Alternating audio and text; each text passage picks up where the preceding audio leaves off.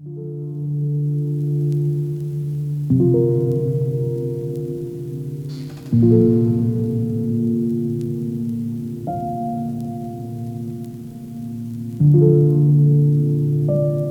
lyssnar på Parafraspoddens Mellansnack 6. Denna gång med missionären och predikanten Rickard Lundgren. Han gör så bra presentation av sig själv så du får den här och sen följer vårt samtal. Jag brukar säga att jag är gift med Karin och bor i Katrineholm och är pastorsson, utbildad elektriker och har tre barn. Eh, brukar eh, nämna att eh, jag eh, har predikat i 50 länder och startat organisationen Gå ut mission och fått se 4 000 församlingar bli till. Och så brukar jag hänga på efter det att jag också har erfarenheter av sjukdomar i familjen som är kroniska och obotliga. Och i mitt eget liv. Mm. Hej Rickard Lundgren! Hallå! Hallå, välkommen till Parafraspodden. Jag är så glad att du vill vara med mig i samtalet runt Sackeus i Lukas 19. Ja, men tack så mycket! Och det här är ju en text som jag faktiskt vet att du gillar. Och det är ju alltid spännande att få prata med någon predikant och evangelist som, som får en text de tycker om också. Du kanske tycker om alla eller har du någon, har du någon annan favorit egentligen? Eh, ja, eh, Sackeus finns ofta med eh, och eh, de tio spetälska eh, kvinnan med blödningar, den samaritanska kvinnan. Jag gillar mm. dem allihop. Ja, bra. Härligt. Men idag ska vi zooma in Sackeus lite grann och jag undrar lite vad har den här bibeltexten för plats i ditt liv? Ja, den har verkligen plats i mitt liv. Det gör den.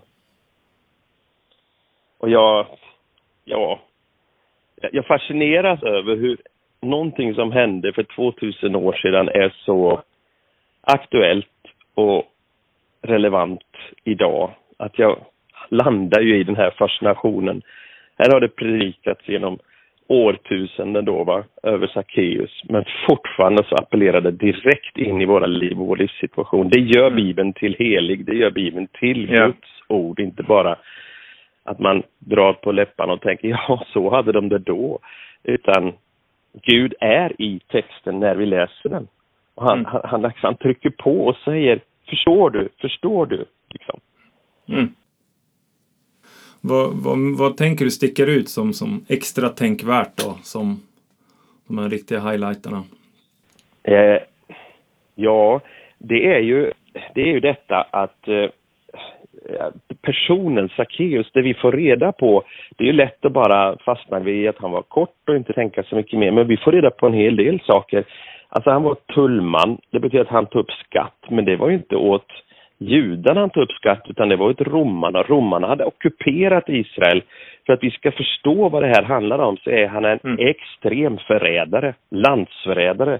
Han tjänar pengar på att jobba för dem som har ockuperat landet.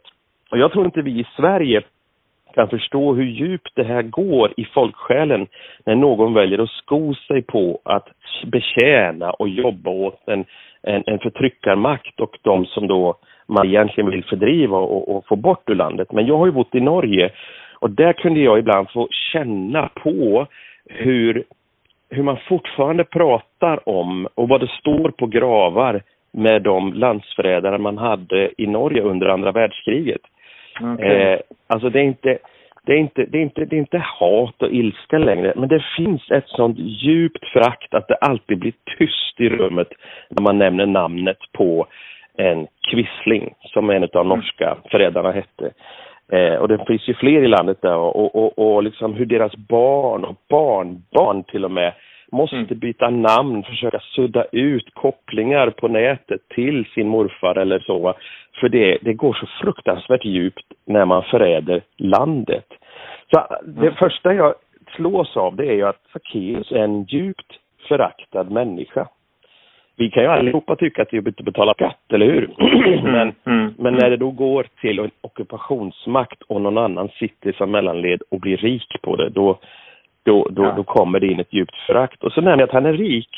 Och det kan man också bara passera och tänka, ja, okej, okay, men en rik människa har faktiskt ofta svårt med vanliga vänskapsrelationer på grund av att folk känner till rikdomen. Alla vill tjäna något på att vara kompis med en rik. Mm. Och kan man inte göra det så är man inte kompis så länge till. Eh, mm. Så han är alltså en isolerad och utnyttjad människa. Mm. Men sen kommer vi in på den tunga biten att han faktiskt stal och tog för mycket. Det gör honom till en bedragare, gör honom till en trolös eh, tjänsteman. Och han är en tjuv, han är alltså en kriminell människa. Och så det sista, mm. att han är kortväxt, det är ju... Jag, jag, kanske drar lite långt här, men det markeras så tydligt. Så jag tror ju inte att det bara var att han var 1,65 utan det här är ju alltså en människa med ett funktionshinder. Vi skulle kunna kalla det, mm. den gamla termen, ett handikapp. För annars skulle det inte sticka ut och markeras att han är kort till växten. Jag tror det handlade om en defekt. Jag kan inte veta det, men jag kan inte tänka mm, mig att, mm. att, att, man skiljer ut om det inte är för att, att han verkligen var eh, kortväxt. Och då var han ju i så fall oren, enligt judarna. Eh, enligt den, judarnas tro då, så är detta någonting som inte får komma in i templet. Eh, jag har ju själv en son med Downs syndrom och han är kortväxt. Och han skulle alltså inte få, om vi levde på den här tiden, gå in i templet för att han är oren, han har en defekt. Mm, mm. Eh, och, och, och, och, för mig som pappa så gör det någonting. Mitt, det väcks alltså mm. även en, en, en empati för lille Sackeus. Och eh, mm. jag kan tänka mig att han säkert var mobbad av romare eh, som han jobbade åt. Eh, jag kan tänka mig att han var en sårad och plågad och utsatt människa. Där har vi ett kit omkring mannen Sackeus. Ja. ja. Mm. Och att, att, både ha rikdom, betjänter, alltså höll på att säga bilar och hus, eh, men samtidigt vara en sårad människa och isolerad människa och också kriminell. Vi har, det, vi har, en, vi har en komplex personlighet här va. Och ja. Gud har sett detta hela tiden. Och här blir texten så relevant in i allas situation. Gud ser dig, Rickard. Varje dag. Inte så att det skulle skapa en fruktan i ditt liv, utan denna kärleksfulla far som bara längtar efter att få sända Jesus till dig. Så när Jesus går där in i Jeriko, det ser ut som att det är första gången Jesus kommer till Jeriko, så, så, så vet ju inte han att den här personen i trädet heter Sackeus. Självklart såg han väl kanske att oj, det sitter en man i träd. Men det är så det funkar när du och jag vandrar bland människor. Vi ser något sticka ut lite och så kommer den helige ande med ett kunskapsord. Han heter Sackeus och så lilla ordet. Du måste tala med honom. Du måste äta hos honom. Säg det. Det blev alltså inte när Jesus öppnade munnen, hej tullman kom ner.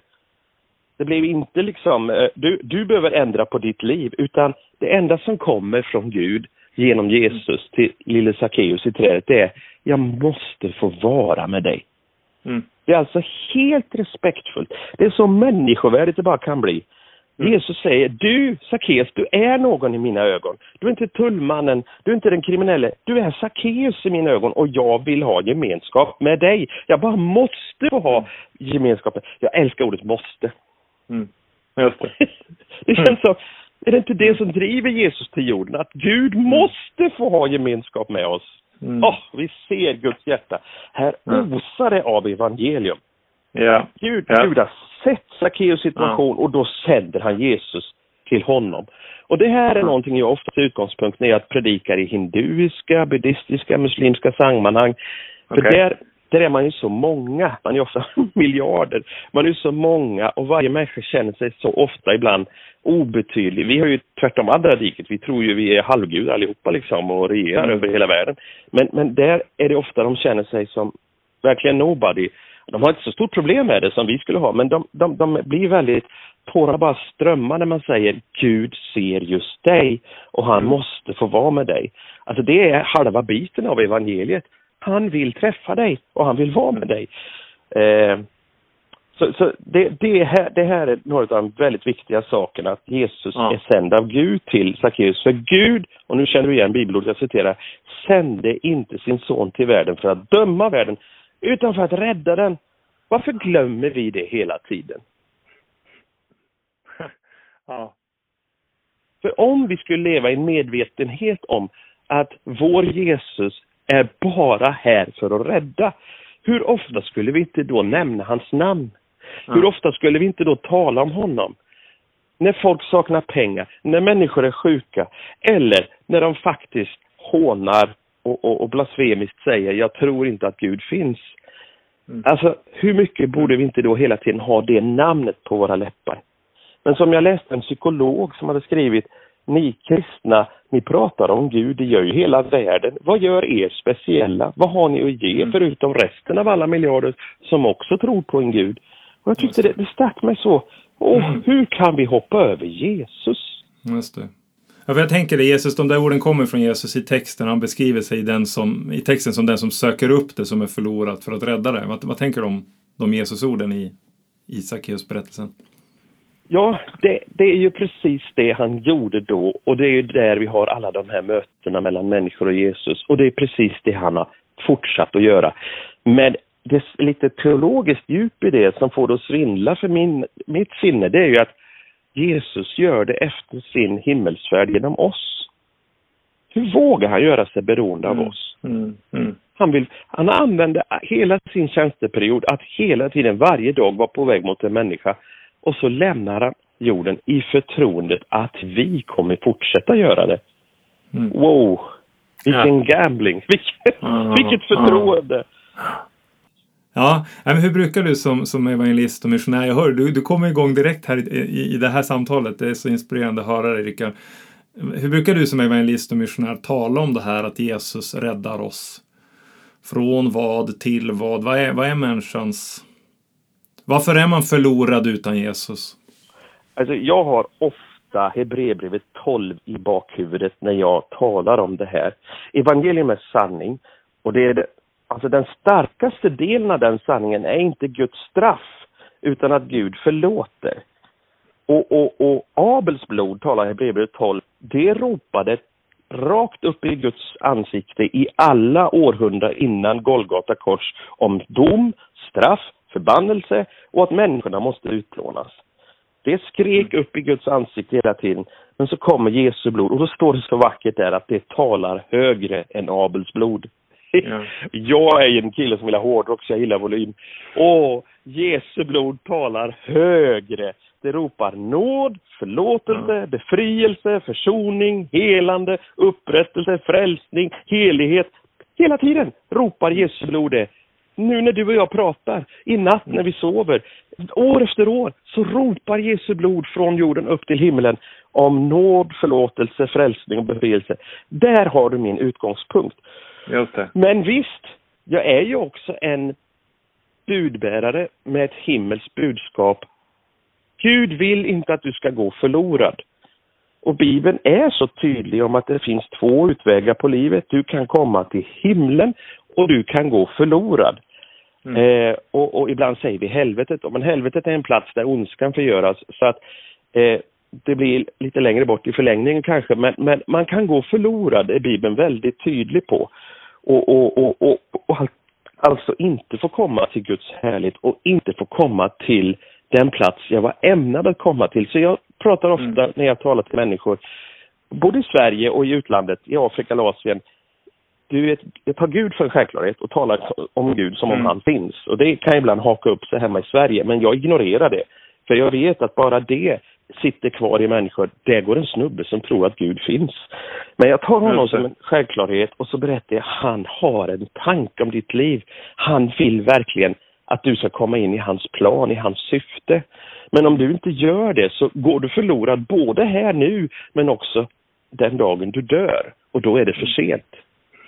Så jag är väldigt old school, väldigt ja. gammal traditionell där. Mm. Eh, det finns ju ganska mycket modern teologi som tar utgångspunkt ifrån humanism och själavård och det blir till slut ingen sanning i det hela. Det blir filosofi och tankar där man vill ta bort allt det som liksom man menar skulle skrämma människor. Men man mm. måste komma ihåg att evangelium är sanning och sanningen befriar alltid. Även om den är mm. obekväm och, och uppskakande så är den något som befriar. Mm. Ja. Inte så. Ja. Nej, men det är bra. Det, det är ju det är utmanande. Jag, jag känner mig ju...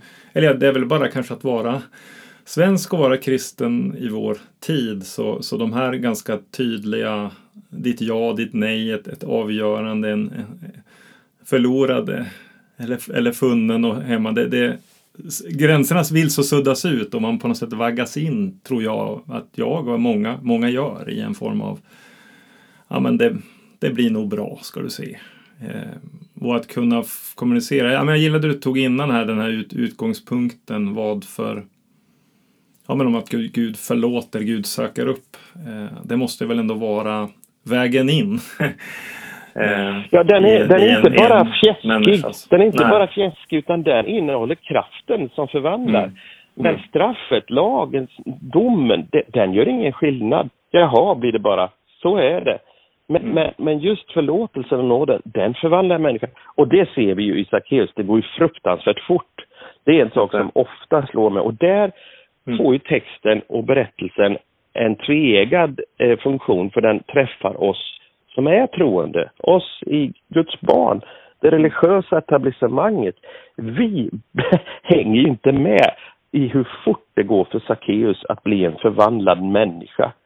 På bara en timme så är plötsligt den här otäckingen med i kyrkan, om du tillåter mig att parafrasera mm. så. Mm. Han börjar ge kollekten och han börjar ge mycket mer än de andra. Han börjar till och med bestämma vad kollekten ska gå till. Han startar en biståndsorganisation och arrangerar en ny verksamhet i kyrkan som betjänar massa nya människor och de har inte ens hunnit rösta om det.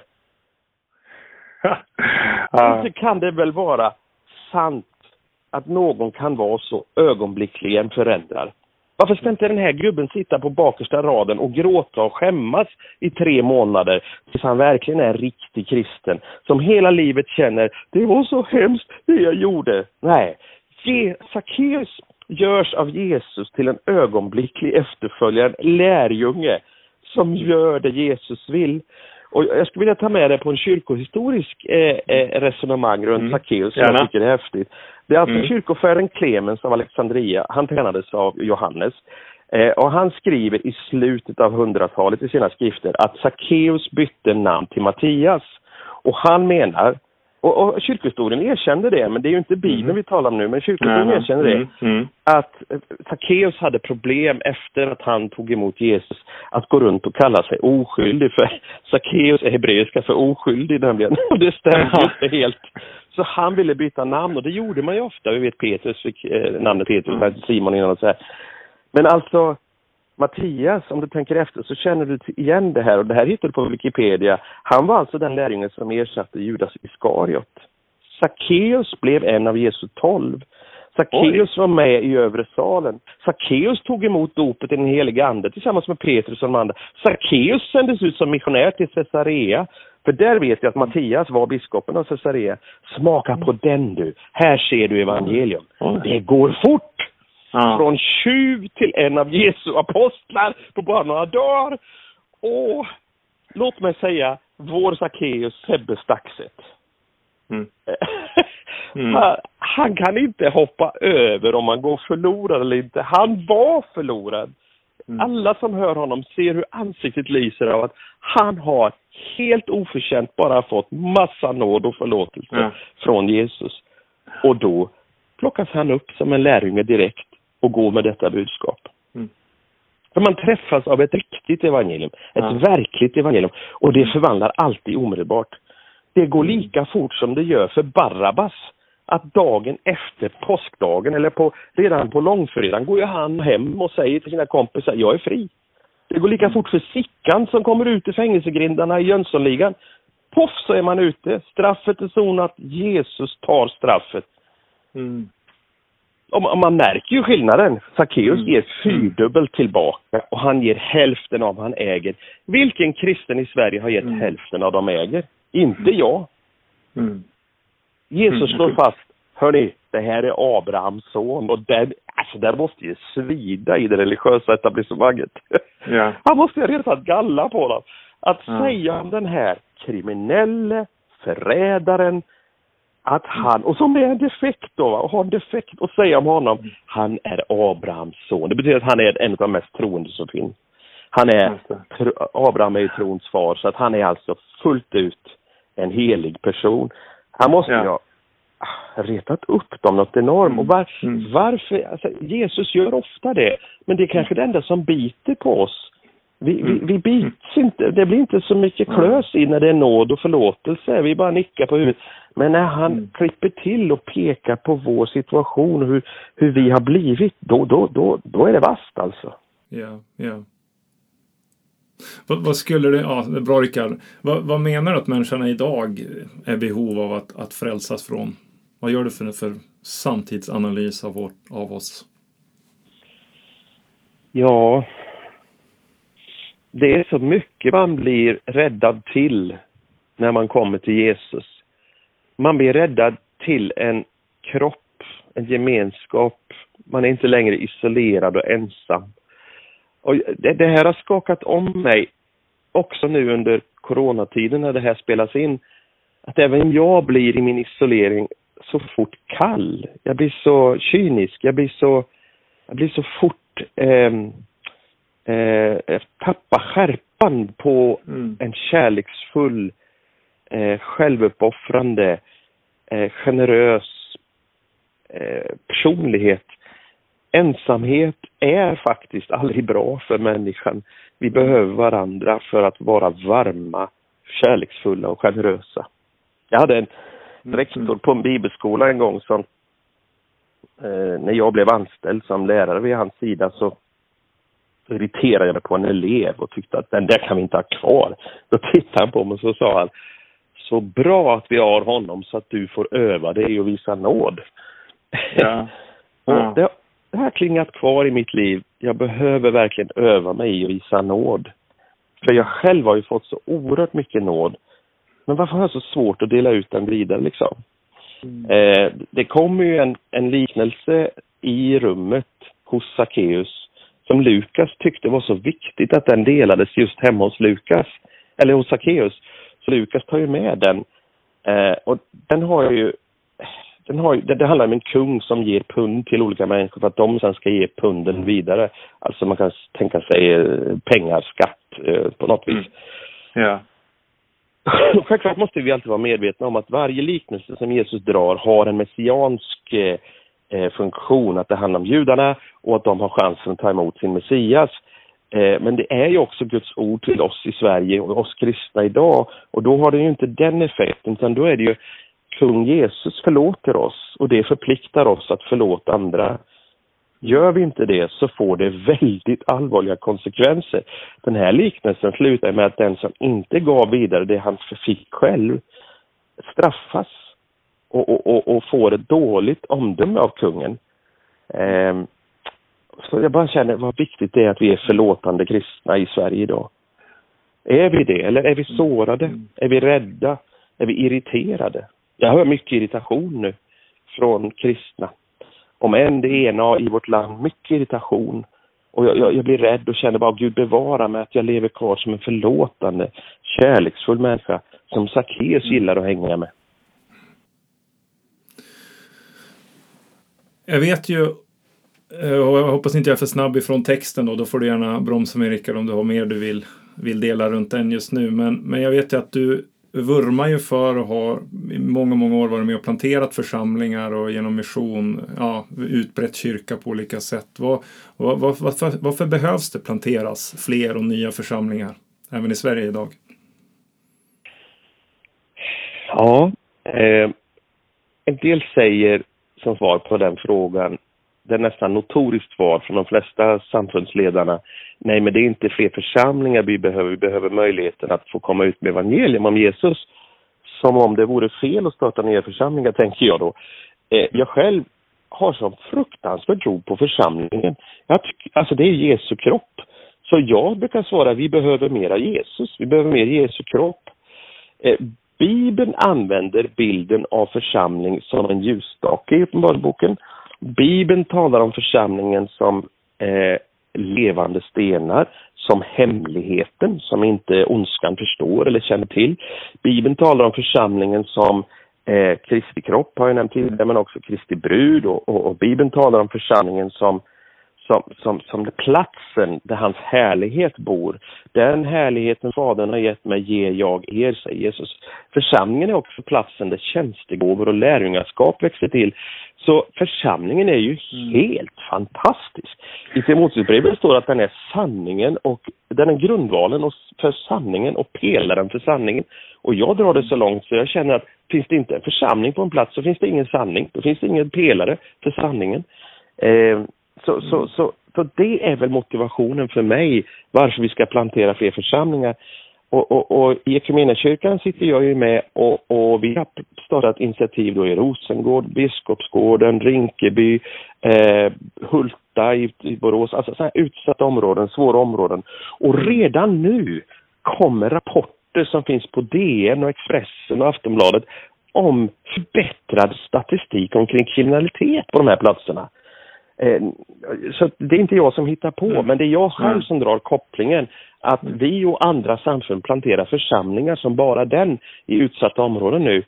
Och, och direkt, fastän vi kanske bara har en handfull människor, så, så rår vi på sådana saker som kriminalitet och utsatthet. För ljuset har kommit, sanningen har kommit. Alltså, jag kan prata till imorgon bitti om hur fantastisk församlingen är. För det är Guds lösning för rädda Ja. Och så frågar du varför vi ska plantera mer församling. Ja. Jag, kände, jag kände just att det kanske är mitt livs dummaste fråga jag ställt en gång. Fråga inte Rickard Lundgren varför ska man starta församlingen? Nej. jag sitter på berättelser, vittnesbörd om hur östgötar och smålänningar och stockholmare som aldrig varit med i församlingen på bara en dag när evangelium har gripit dem helt plötsligt mm. reser sig upp i källarlokalen och säger Hörru nej, jag tycker vi ska göra så här nu så blir det mycket bättre med skiten.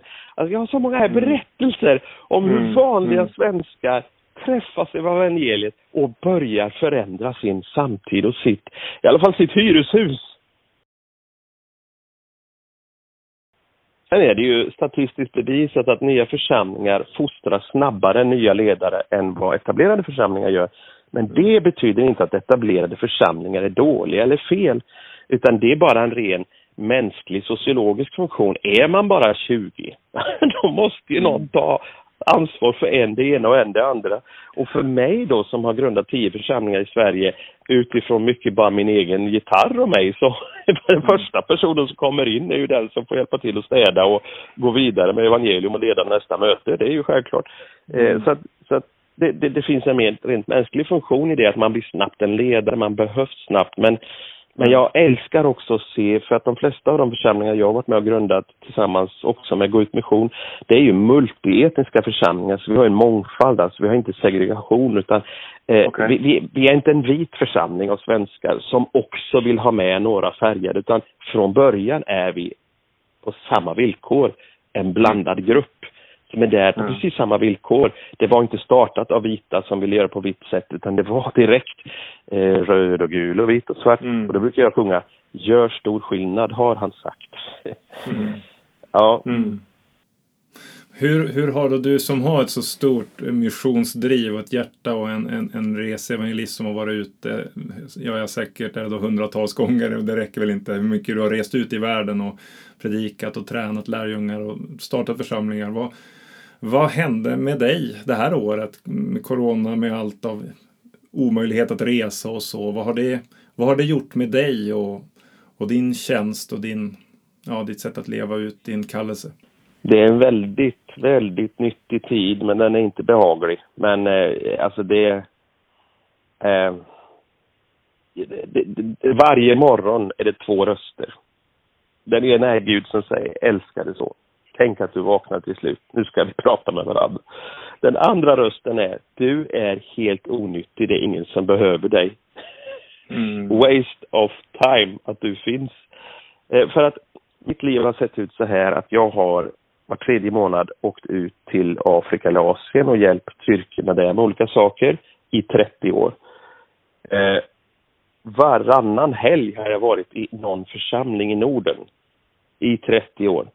Mm. Eh, och det, det, det, tredje jag gör som har varit min och är min funktion det är ju att grunda nya församlingar i Sverige. Och allt det här har ju parkerats. Inget av det sker. Mm.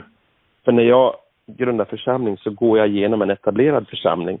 Så att jag måste alltid adressera en etablerad församling om frågan, ska vi grunda en ny församling? Och Mm. de etablerade församlingarna kan ju inte träffas, eller har inte kunnat träffas. Nu börjar det lätta på det. Så att det här har ju varit en icke-fråga för dem. Eh, när man inte själv kan fira gudstjänst så blir, blir det lite Nej, avlägset att Ja, prata om att grunda en ny församling.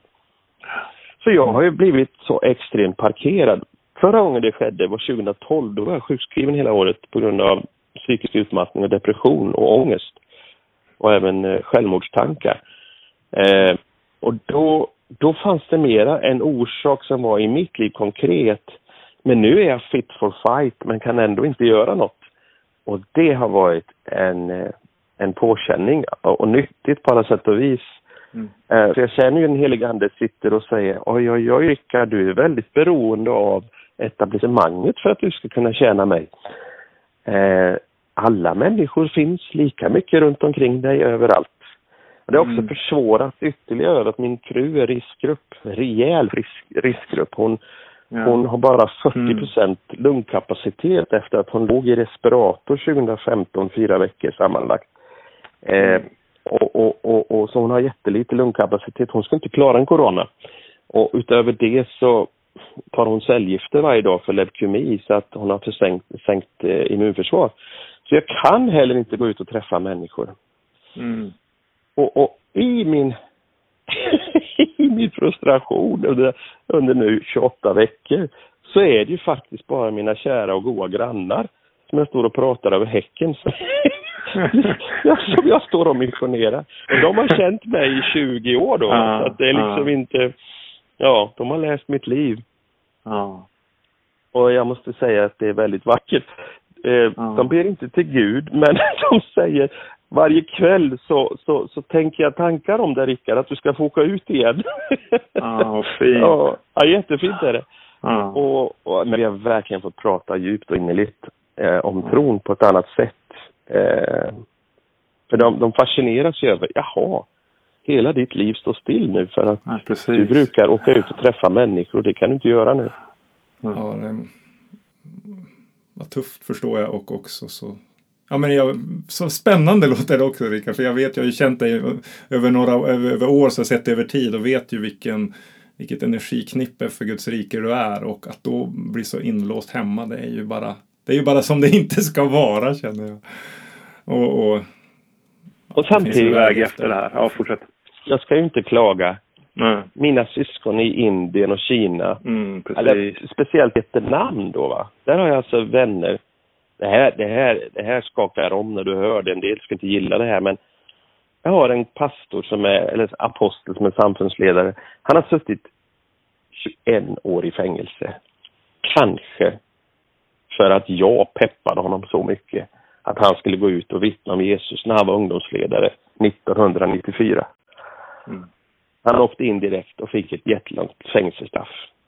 Alltså du kan ju förstå hur jag känner mig varje gång han ringer och säger Rickard kan du komma och hjälpa oss? Alltså, jag, jag, Ja. jag blir röd i ansiktet varje gång. Ja, jag kommer, jag kommer. Mm. Eh, det här är mina vänner utomlands och som har tjänat Gud från fängelser i total isolering. Skrivit lite brev, men det de har gjort framför allt det är att be. Och Gud har verkat från de bönerna så att det är helt otroligt. Mm. Jag, hinner inte nu berätta Mm. han har Wow. Mm. av anden att be för sina pastorer när han sitter i fängelse. Och han känner i sitt inre att nu står de i en utmaning för att kunna faktiskt nå en onådd folkgrupp här i Vietnam. Och så ber han och Guds ande faller över dem och de får det språket som de här människorna talar. Och kan då som ett tecken Ah. från Ah. Gud tala deras språk. Det här hände på början på 2000-talet hände det här. Oj, Eh, wow. men alltså, alltså, och han kände när han ber, nu hände det, och så tackar han Gud med tårarna rinnande. Han har gått ner 15 kilo vikt och tackar Gud med tårarna rinnande. Att han är funnen värdig att finnas med och vara med i bön för sina bröder. Hur mycket har jag bett under coronatid? Mm. Alltså, jag har bara varit frustrerad och irriterad känner jag. Mm. Ibland plockar jag upp gitarren och så tar jag 70-talets eh, För du är stor, du är stora under. Och så bara känner jag, tror jag det här? Sjunger jag det här bara för att jag vill att det ska hända? Eller känner jag verkligen att han är stor? Åh, jag tackar Gud för Låsa. Jag tackar Gud för Rickard Sundström. Jag tackar Gud för att vi har fått detta vapen mot ondska, men också denna inte ens en predikan kan få dig att fatta Guds storhet som lovsång och tillbedjan. Uh, och, och, och jag, jag, måste säga att det har inte varit några våldsamma stunder. Jag kommer knappt till ackord nummer tre förrän jag bara jag orkar inte längre. Jag vet inte vad det är. Den här tiden har varit så ansträngande men efteråt så sitter jag förkrossad och bara känner han är stor och han är på tronen. No matter what. Ja, tack för, för, tack för det du delar Rickard och din, din ärlighet och uppriktighet. Wow. Alltså under de här åren 30 år är ändå rätt lång tid. Jag började så tidigt då. Va? Under 30 mm. år känns så... Det som jag tycker börjar komma fram som har gett mig en slags fundament och en stabilitet att möta de här olika konstiga utmaningarna med sjukdom i familjen, eh, obesvarade böner, eh, Guds frånvaro. Varför griper han inte in? Eller den här tiden vi är lite grann i just nu med några få undantag i Sverige. Att vi kör på för fullt i våra kyrkor men vi minskar en del också. Eh, vi växer inte mm. så mycket. Och att, att vi liksom, vi står och berättar för människor att Jesus är fantastisk, han kan förvandla dig. Och så, och så, så, så ser vi liksom inte alltid den förvandlingen. Vi tror på den, vi kanske upplever det själva men, men det är liksom ett vakuumtid, en transportsträcka och och det är också spännande vad corona kommer att göra med folks medvetande. Jag har ingen aning om vad det slutar mm. i, i Sverige mm. stort liksom i relation mm. till kyrkan och Jesus och församling och alltihopa. Men, mm. men i den här tiden här så känner jag att jag ändå får vila på de här väldigt tydliga grunderna att Gud är god.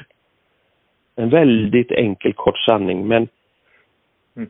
jag har förfasats över hur många som som har en gud som är arg och ond och plötsligt kan, eh, kan, kan skicka alla möjliga konstiga straff och mm. att han med ris plågar oss, tuktar oss.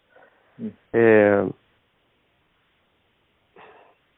det finns ju folk som tror att corona är Guds straff för att vi inte är tillräckligt kristna. Det finns de som menar att eh, Sverige kommer straffas om inte vi uttalar oss positivt över det som, som är viktigt för Gud från mm. regeringshåll, ifrån myndigheter. Mm. Eh, vi tänker fort väldigt judiskt och israelitiskt. Och jag bejakar att Israel är ett land som Gud har en plan och de ligger i hans hand. Mycket väl.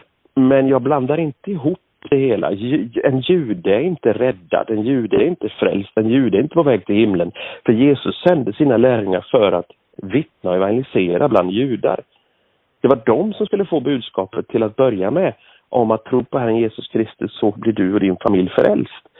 Eh, och så vidare. Och, och, här blandar vi ibland korten rejält och då blir det märkligt, då blir Gud oberäknelig. Det som har blivit en väldigt trygghet för mig, att även om jag har psykisk ohälsa i mitt liv eller i min familj. Även om det finns både cancer och andra otäcka sjukdomar i min familj och en liten Sackeus med defekt och så vidare. Jag har en pojke med Downs syndrom som jag sa. Mm. Eh, mm. Så tvekar inte jag en sekund på om det här är Gud som försöker säga något till mig eller om han är ute och på gång att straffa mig för någonting. Mm. Och jag, jag, jag har också landat på den. Den är också provocerande. Det är många som inte håller med om detta att det är inte djävulen som är så stark att han får göra precis vad han vill med mig och min familj. Det är sjukdomar. Och sjukdomar är någonting som finns över hela jorden, har alltid funnits och kommer finnas tills Jesus kommer tillbaka som kung över hela den här jorden. Mm. Vi kristna har nu hamnat i en tro där vi tänker att Gud gör oss till någon slags mutanter som är mer än övervinnare. Har du hört det? Mm. Jag känner igen uttrycket. mm. Och att, att vi ska aldrig ha fysiska, mm. psykiska åkommor. För vi är, vi är så fruktansvärt starka och supermänniskor. Vi är, vi är mutanter, vi är expens allihop. Men om det inte funkar så har vi något fel i vårt liv. Och, och, och det här tänket genomsyrar jättemycket överallt. Och det är så långt ifrån den guden som säger att han är god och älskar oss man kan komma. För han blir oberäknelig, han blir svår att veta vad man har. Men ordet säger att hos honom finns det ingen skiftande skugga. Han är bara god hela tiden. Mm. Och jag skulle så önska att vi kan hitta ännu mer en trygghet i detta. Att när svårigheter och saker händer så behöver vi inte direkt ty till attack, attack, attack, attack. Utan förstå att det är en del av livet. Och i det livet finns Gud med. För vi blir antingen väldigt exklusiva, väldigt speciella och märkliga om allting är en attack. Det, det, det, det, är ganska många kristna som skriver på Facebook, min bil gick sönder idag, be för mig, jag är under en attack. Men det bara handlar om att de har inte bytt olja på bilen. Mm. jag kanske drar iväg i ett annat ämne. Nej då, men det är bra. Mm. Detta har gjort att jag kan mm. närma mig människor med annan tro utan att se dem som fiender. Jag kan gå in i situationer där saker händer utan att vara rädd för när kommer attacken, när kommer attacken och vad är attacken mm. och så vidare. Mm. För det är på fullt allvar, Rickard, många som menar att jag är under full attack. Men jag har en så mycket större Gud så han bevarar och beskyddar mig så länge han vill, så länge han har tänkt. Men det kommer en dag jag inte lever mer. Och alla kristna slutar sina dagar på jorden till slut därför att hjärtat inte orkar mer. Och de flesta av oss har glasögon. Men vi ser inte det som en attack. Mm. Men, mm. men, men, men jag, jag, jag upplever en väldig trygghet i detta. Och det är mm. på frågan om vad, vad, som har... Om jag ska lyfta fram något som jag har lärt mig efter 30 år i tjänst till Gud, mm. så är jag så stabil och trygg i detta att, att, att livet har sina utmaningar för att bakterier, virus och skavanker finns.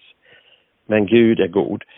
Sen är, förnekar ju inte djävulen jag har drivit ut ganska många demoner ur människor. Jag har sett djävulen förvandla eh, djur till människor och tillbaka igen för att orsaka skada.